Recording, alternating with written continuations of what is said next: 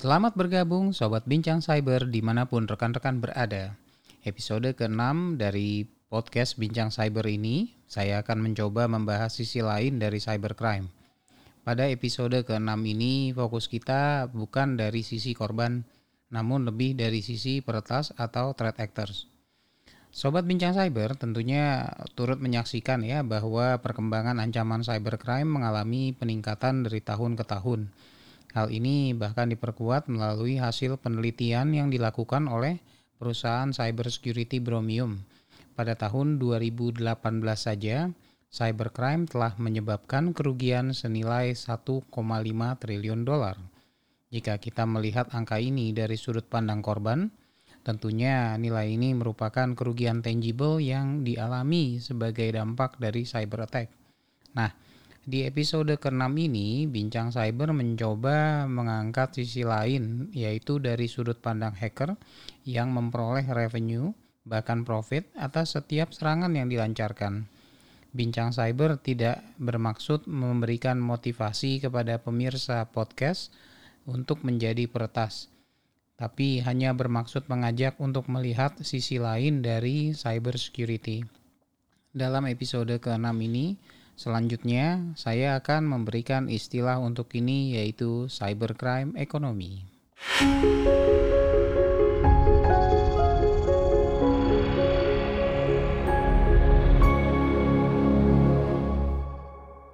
Penelitian yang dilakukan oleh Verizon di tahun 2017 telah menempatkan empat hal utama yang merupakan alasan hacker untuk melakukan penyerangan. Empat alasan ini akan saya sebutkan satu persatu dengan diurutkan berdasarkan bobot, mulai dari yang tertinggi hingga yang terendah. Pertama adalah alasan untuk memperoleh keuntungan finansial dari aktivitas ilegal tersebut. Yang kedua adalah untuk alasan espionage atau tindakan mata-mata terhadap aset digital yang umumnya berupa intellectual property ataupun merek dagang perusahaan dengan target umum, perusahaan manufacturing, atau bahkan di beberapa kasus cyber espionage ini dilandasi oleh political reason ya, pada aktivitas penyerangan yang dilakukan. Kemudian yang ketiga adalah alasan psikologis seperti misalnya kesenangan, balas dendam, maupun hacktivism. Dan yang terakhir adalah yang eh, atau yang keempat ya adalah alasan untuk memanfaatkan vulnerability yang terdapat pada sistem serta kelalaian yang mungkin diakibatkan oleh ulah karyawan sendiri. Nah, dari keempat alasan ini, alasan finansial tidak dapat dipungkiri menjadi penyebab terbesar dari meningkatnya intensitas serta dampak dari cybercrime. Alasan finansial ini bahkan dipercaya melebihi motivasi awal para peretas ketika pertama kali memulai serangan, yaitu mereka ingin berlatih dan mengembangkan keahlian meretas mereka. Dengan landasan alasan dan motivasi yang saya sebutkan di sini, maka istilah cybercrime yang biasanya hanya mengangkat sudut pandang korban, kini perlu ditambah kata ekonomi sehingga memperjelas motivasi peretas, selain juga menggambarkan dampak negatif kerugian yang diperoleh korban. Inilah yang saya maksudkan dengan istilah cybercrime ekonomi.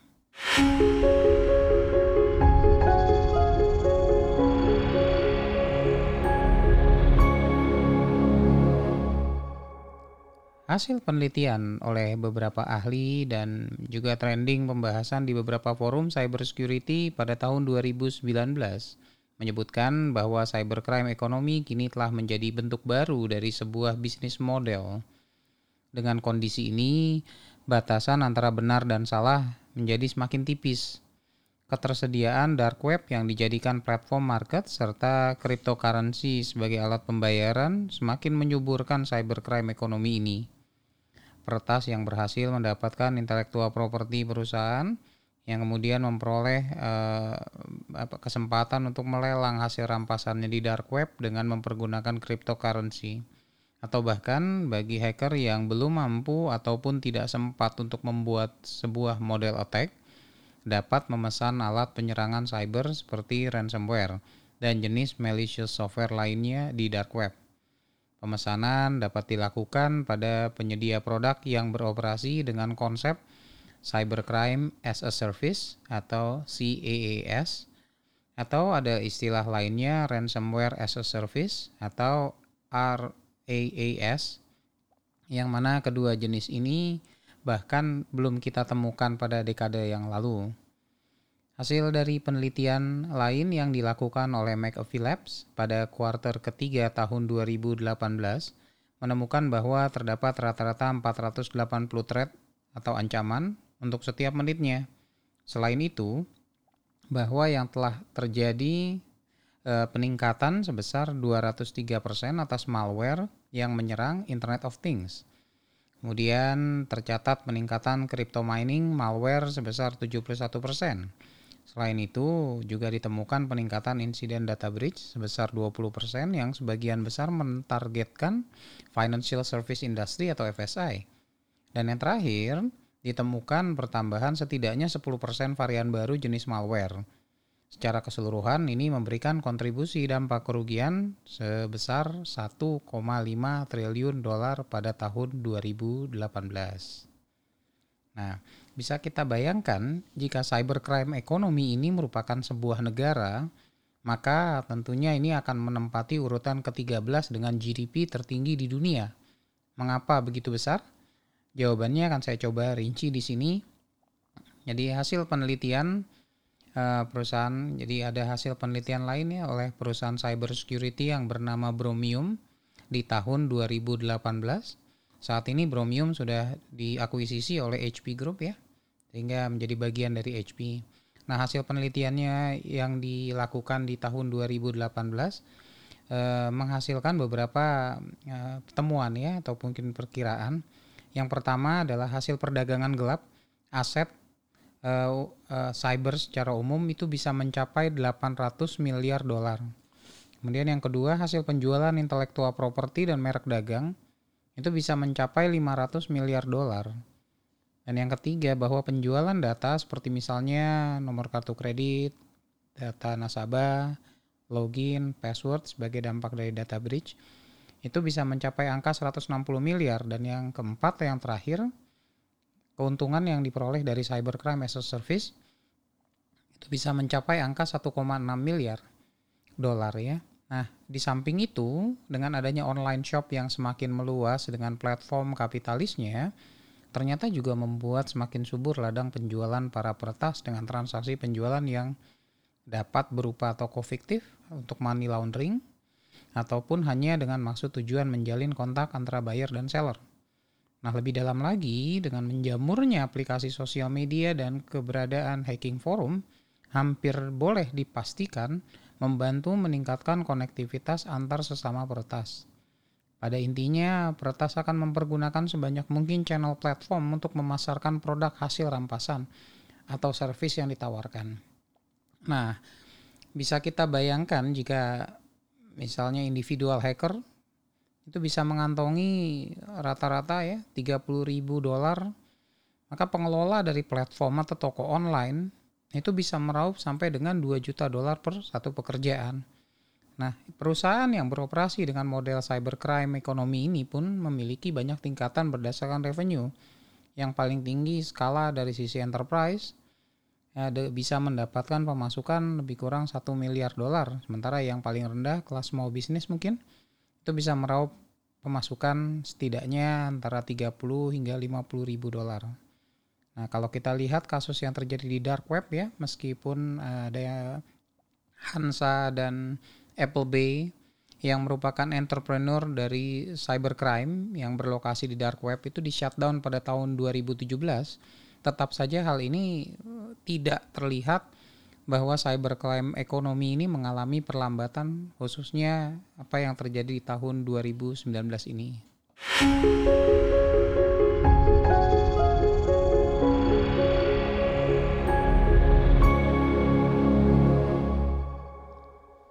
Nah, kita lanjutkan eh, bahasan selanjutnya tentang attack vector ya. Perkembangan dari cybercrime ekonomi ini tentunya tidak lepas dari peningkatan varian atas pintu masuk penyerangan atau bahasa teknisnya kita bahas kita sebut dengan istilah attack vector.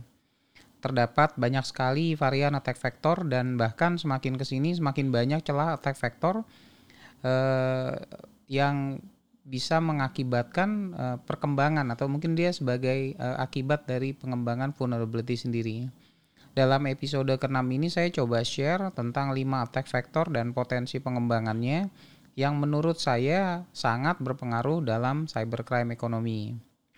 Nah, yang pertama adalah attack vector yang informasinya diperoleh melalui Common Vulnerabilities and Exposure atau CVE list dari non vulnerability yang dipublikasikan secara online itu memiliki tujuan positif tentunya dalam kaitan meningkatkan perlindungan arsitektur keamanan cybersecurity. Namun ternyata pihak pertas memanfaatkan informasi ini untuk menyerang target-target tertentu yang lengah ataupun lalai melakukan perbaikan keamanan secepatnya setelah vulnerability tersebut dipublikasikan. Untuk setiap vulnerability yang dipublikasikan itu akan mendapatkan nomor pendaftaran yang unik yang diawali dengan tiga huruf CVE yang kepanjangan tadi dari Common Vulnerabilities and Exposure. Nah, nomor pendaftaran ini ada yang menjadi keyword dari berbagai diskusi online di forum hacking. Ini menunjukkan bahwa pertas saling berbagi informasi mengenai target operasi yang potensial. Kenapa potensial? Karena mereka belum sempat untuk menutup celah vulnerability tersebut. Nah, ditambah untuk setiap nomor CVE ini pada situs resmi juga akan mencantumkan perangkat lunak yang terkena dampaknya. Jadi informasinya lengkap. Nah, artinya juga pihak pertas dapat mempergunakan detail CVE ini untuk kemudian mencocokkan dengan situasi target yang akan diserang. Dengan kata lain, jika terdapat kesamaan antara kondisi yang tercantum pada publikasi CVE dan situasi pada target, artinya ini bisa menjadi sebuah attack vector baru atau celah yang dapat dimanfaatkan oleh hacker tersebut. Meski tidak seluruh sistem yang terkena impact dari non vulnerability tersebut, eh, apa namanya eh, tidak semua sistem yang terkena impact yang mereka lakukan langsung melakukan perbaikan sehingga potensi dari sebuah sistem yang diserang itu eh, dengan perantaran sumber informasi CV ini pun bisa menjadi sangat memungkinkan. Nah, yang kedua, attack vector yang dimanfaatkan atau yang memanfaatkan remote access. Salah satu mekanisme dan tools yang terdapat atau yang bisa dipakai adalah Remote Desktop Protocol atau RDP. RDP adalah protokol jaringan yang digunakan oleh Windows Terminal Service yang bisa diakses melalui port TCP 3389. Meski diakses, uh, meski aksesnya di akses, uh, aksesnya dilindungi oleh username dan password, namun RDP ini secara default akan dibuka oleh server. Nah, ini yang sering kali dimanfaatkan peretas untuk mengakses server secara ilegal setelah tentunya mereka meretas username dan password. Apalagi jika akses dibuka oleh uh, di level firewall. Ini akan semakin berbahaya. Nah, setelah akses akun ak, uh, akses terhadap akun username serta password diperoleh oleh peretas, maka selain dipergunakan untuk mengakses ataupun mendownload data, akun uh, ini juga mungkin diperjualbelikan di dark web dengan harga yang bervariasi tergantung jenis perusahaan dan server pemilik akun. Singkatnya, RDP ada pada prakteknya dapat dijadikan sebagai salah satu attack vector bagi para peretas untuk mendapatkan akun dan data yang dikelola. Sehingga pada akhirnya semua hasil perolehan ilegal ini juga akan diperjualbelikan eh, kemudian di dark web. Ketiga, kalau sebelumnya pada episode ini saya telah menyebutkan bahwa terdapat peningkatan 10% terhadap varian ransomware baru di 2018, hal ini sebenarnya ditunjang dengan peningkatan antusiasme forum underground akan layanan ransomware as a service atau RAAS family seperti mungkin contohnya ransomware GenCrab Ransomware GenCrab tidak uh, menjadi terkenal karena coding yang sophisticated, namun dikarenakan konsep ekonomi yang dijalankan. Peretas dapat bebas mempergunakan ransomware varian ransomware uh, GenCrab ini dengan konsep profit sharing. Jika peretas mendapatkan pembayaran ransom, maka dia harus memberikan lebih kurang 40% dari uang ransom yang diperoleh atau yang diterima untuk diberikan kepada si autor pembuat malware tersebut atau ransomware tersebut. Nah, kabar baiknya, si pembuat ransomware GenCrab ini menyatakan bahwa dia sudah pensiun dan menonaktifkan layanan GenCrab ini pada sekitar pertengahan 2019 ini. Namun kabar buruknya, pembuat GenCrab ini menyatakan pensiun setelah berhasil mengumpulkan sebanyak 2 miliar dolar. Dia juga telah berhasil melegalkan uang tersebut melalui beberapa bisnis dan investasi lainnya. Kesimpulannya bahwa attack vector yang ketiga di sini adalah ransomware yang dikirimkan kepada end user melalui phishing email misalnya sehingga ditambah dengan kelalaian pengguna ini akan menghasilkan potensi pemasukan bagi peretas dan juga profit sharing bagi pembuat ransomware tersebut. Dan inilah juga merupakan salah satu anak cabang dari cyber ekonomi, cybercrime ekonomi. Yang keempat, Internet of Things atau IoT dan ada hal lain yaitu crypto mining. Saya gabungkan ini menjadi satu poin. Internet of Things sudah uh, adalah merupakan hardware yang memiliki computing power kecil, uh, biasanya mempergunakan ARM based prosesor dan menjalankan fungsi khusus Katakanlah CCTV, mesin absen, dan perangkat keras berbasis ARM prosesor ini biasanya dihindari pemanfaatannya oleh pertas karena memiliki computing power yang kecil. Namun berbeda halnya dengan belakangan ini. Dikarenakan peningkatan jumlah penggunaan IoT yang semakin signifikan dan ditambah dengan rendahnya tingkat pengamanan pada perangkat tersebut, menjadikan kesempatan baru bagi peretas untuk melakukan peretasan secara massal IoT perangkat tersebut bukanlah diretas untuk kemudian dipergunakan untuk menyerang, melainkan perangkat keras ini diinstal sejenis program yang kemudian berfungsi untuk memining cryptocurrency. Program yang diberikan sebutan crypto mining ini kemudian membentuk kolaborasi antar masing-masing perangkat IoT yang tentunya sudah diretas sebelumnya untuk saling bekerja sama melakukan proses crypto mining. Jika network perangkat ini mencapai ribuan node dari perangkat IoT, maka hampir boleh dipastikan bisa memberikan hasil mining kripto yang sangat profitable bagi si peretas. Nah, di sinilah peretas kemudian mendapatkan keuntungan profit atas hasil penjualan cryptocurrency tersebut.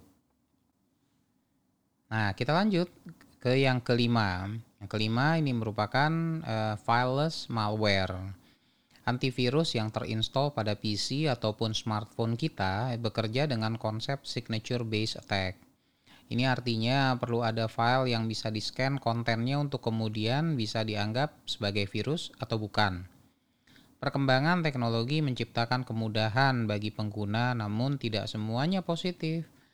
Keberadaan JavaScript dan PowerShell pada PC desktop ternyata bisa dijadikan jembatan bagi attack vector baru yaitu fileless malware ini ya. E, disebut fileless karena hacker tidak perlu menginstall atau menginjek file khusus untuk melakukan penyerangan, namun cukup memanfaatkan program yang sudah ada. Contohnya dalam hal ini dengan memanfaatkan JavaScript dan PowerShell ini.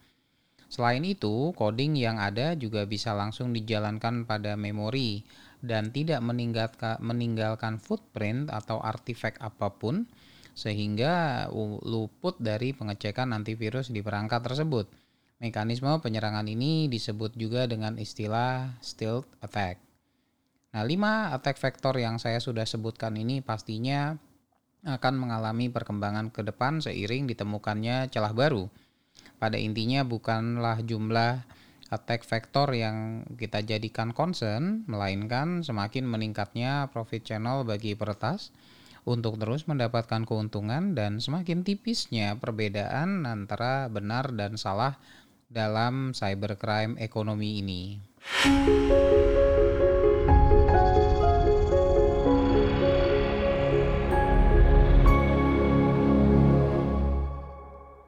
Cybercrime ekonomi tidak dapat dipungkiri merupakan ancaman besar bagi setiap perusahaan atau setidaknya potensial ancaman yang besar bagi perusahaan-perusahaan tersebut. Dampak tangible-nya tercermin dari peningkatan yang konsisten dari tahun ke tahun. Menurut perusahaan cybersecurity venture, cybercrime ekonomi ini bisa menyentuh angka 6 triliun dolar pada tahun 2021. Nilai ini dipastikan melebihi keuntungan seluruh keuntungan yang diperoleh misalnya dari peredaran obat-obatan terlarang di dunia. Di Amerika sendiri, cyber attack memiliki tingkat pertumbuhan yang tertinggi Apalagi jika kita mengingat yang menimpa JW Marriott di tahun 2018 atas kebocoran dari 500 juta data nasabah yang baru diketemukan 4 tahun sejak awal kebocoran pertama kali. Ditambah dengan kejadian yang menimpa Yahoo atas bocornya 3 miliar user account di tahun 2013. Terakhir yang kejadian yang menimpa Equifax atas bocornya 145.5 juta data nasabah di tahun 2017. Selain data breach, dampak serangan WannaCry dan Nopedia yang sempat menjadi trending topik diskusi di media online dikarenakan dampaknya yang global dan mengarah kepada katastrofik dengan dukungan marketplace di dark web membuat semakin bebasnya penjualan komoditas ilegal hasil rampasan aset digital perusahaan. Pada akhirnya inilah yang membentuk komponen dari uh, atau model dari cybercrime ekonomi. Nah, di sisi lain, upaya untuk terus meningkatkan perlindungan cybersecurity merupakan upaya melawan uh, bagian dari cybercrime ekonomi ini attack defense strategi dianggap merupakan trade-off antara besaran risiko dan biaya penanggulangan. Untuk setiap satuan data yang disimpan di perusahaan, mereka perlu mengalokasikan sekian ratus satuan dolar. Secara konsisten, perhitungan biaya development pun akan cenderung mengalahkan ongkos biaya perlindungan data secara kumulatif. Sehingga ROI mungkin semakin tidak cocok untuk menilai keuntungan yang akan diperoleh setelah sekian tahun mempergunakan sebuah produk. Namun, besaran perhitungan atas perlindungan dan potensi maksimal risiko yang mungkin dihasilkan menambah kompleksitas untuk menentukan arah investasi ke depan. Nah, meskipun di sana-sini semakin banyak kemudahan untuk membuat sebuah sistem menjadi online, belum terlihat kemudahan dan penurunan tingkat risiko atas setiap sistem yang sudah di-online-kan tersebut Belajar dari Marriott yang menemukan peristiwa breach yang terjadi setelah empat tahun, ini membuat kita sadar bahwa dampak negatif dari cybercrime tidak dapat langsung ditemukan dan hampir seluruhnya bersifat retrospektif. Semakin besar window time yang terjadi akan semakin memperbesar kerugian yang akan dialami. Hal ini memerlukan sebuah parameter baru, yaitu dengan mempertimbangkan dampak pengaruh dari cybercrime ekonomi ini terhadap inovasi uh, perusahaan ke depannya.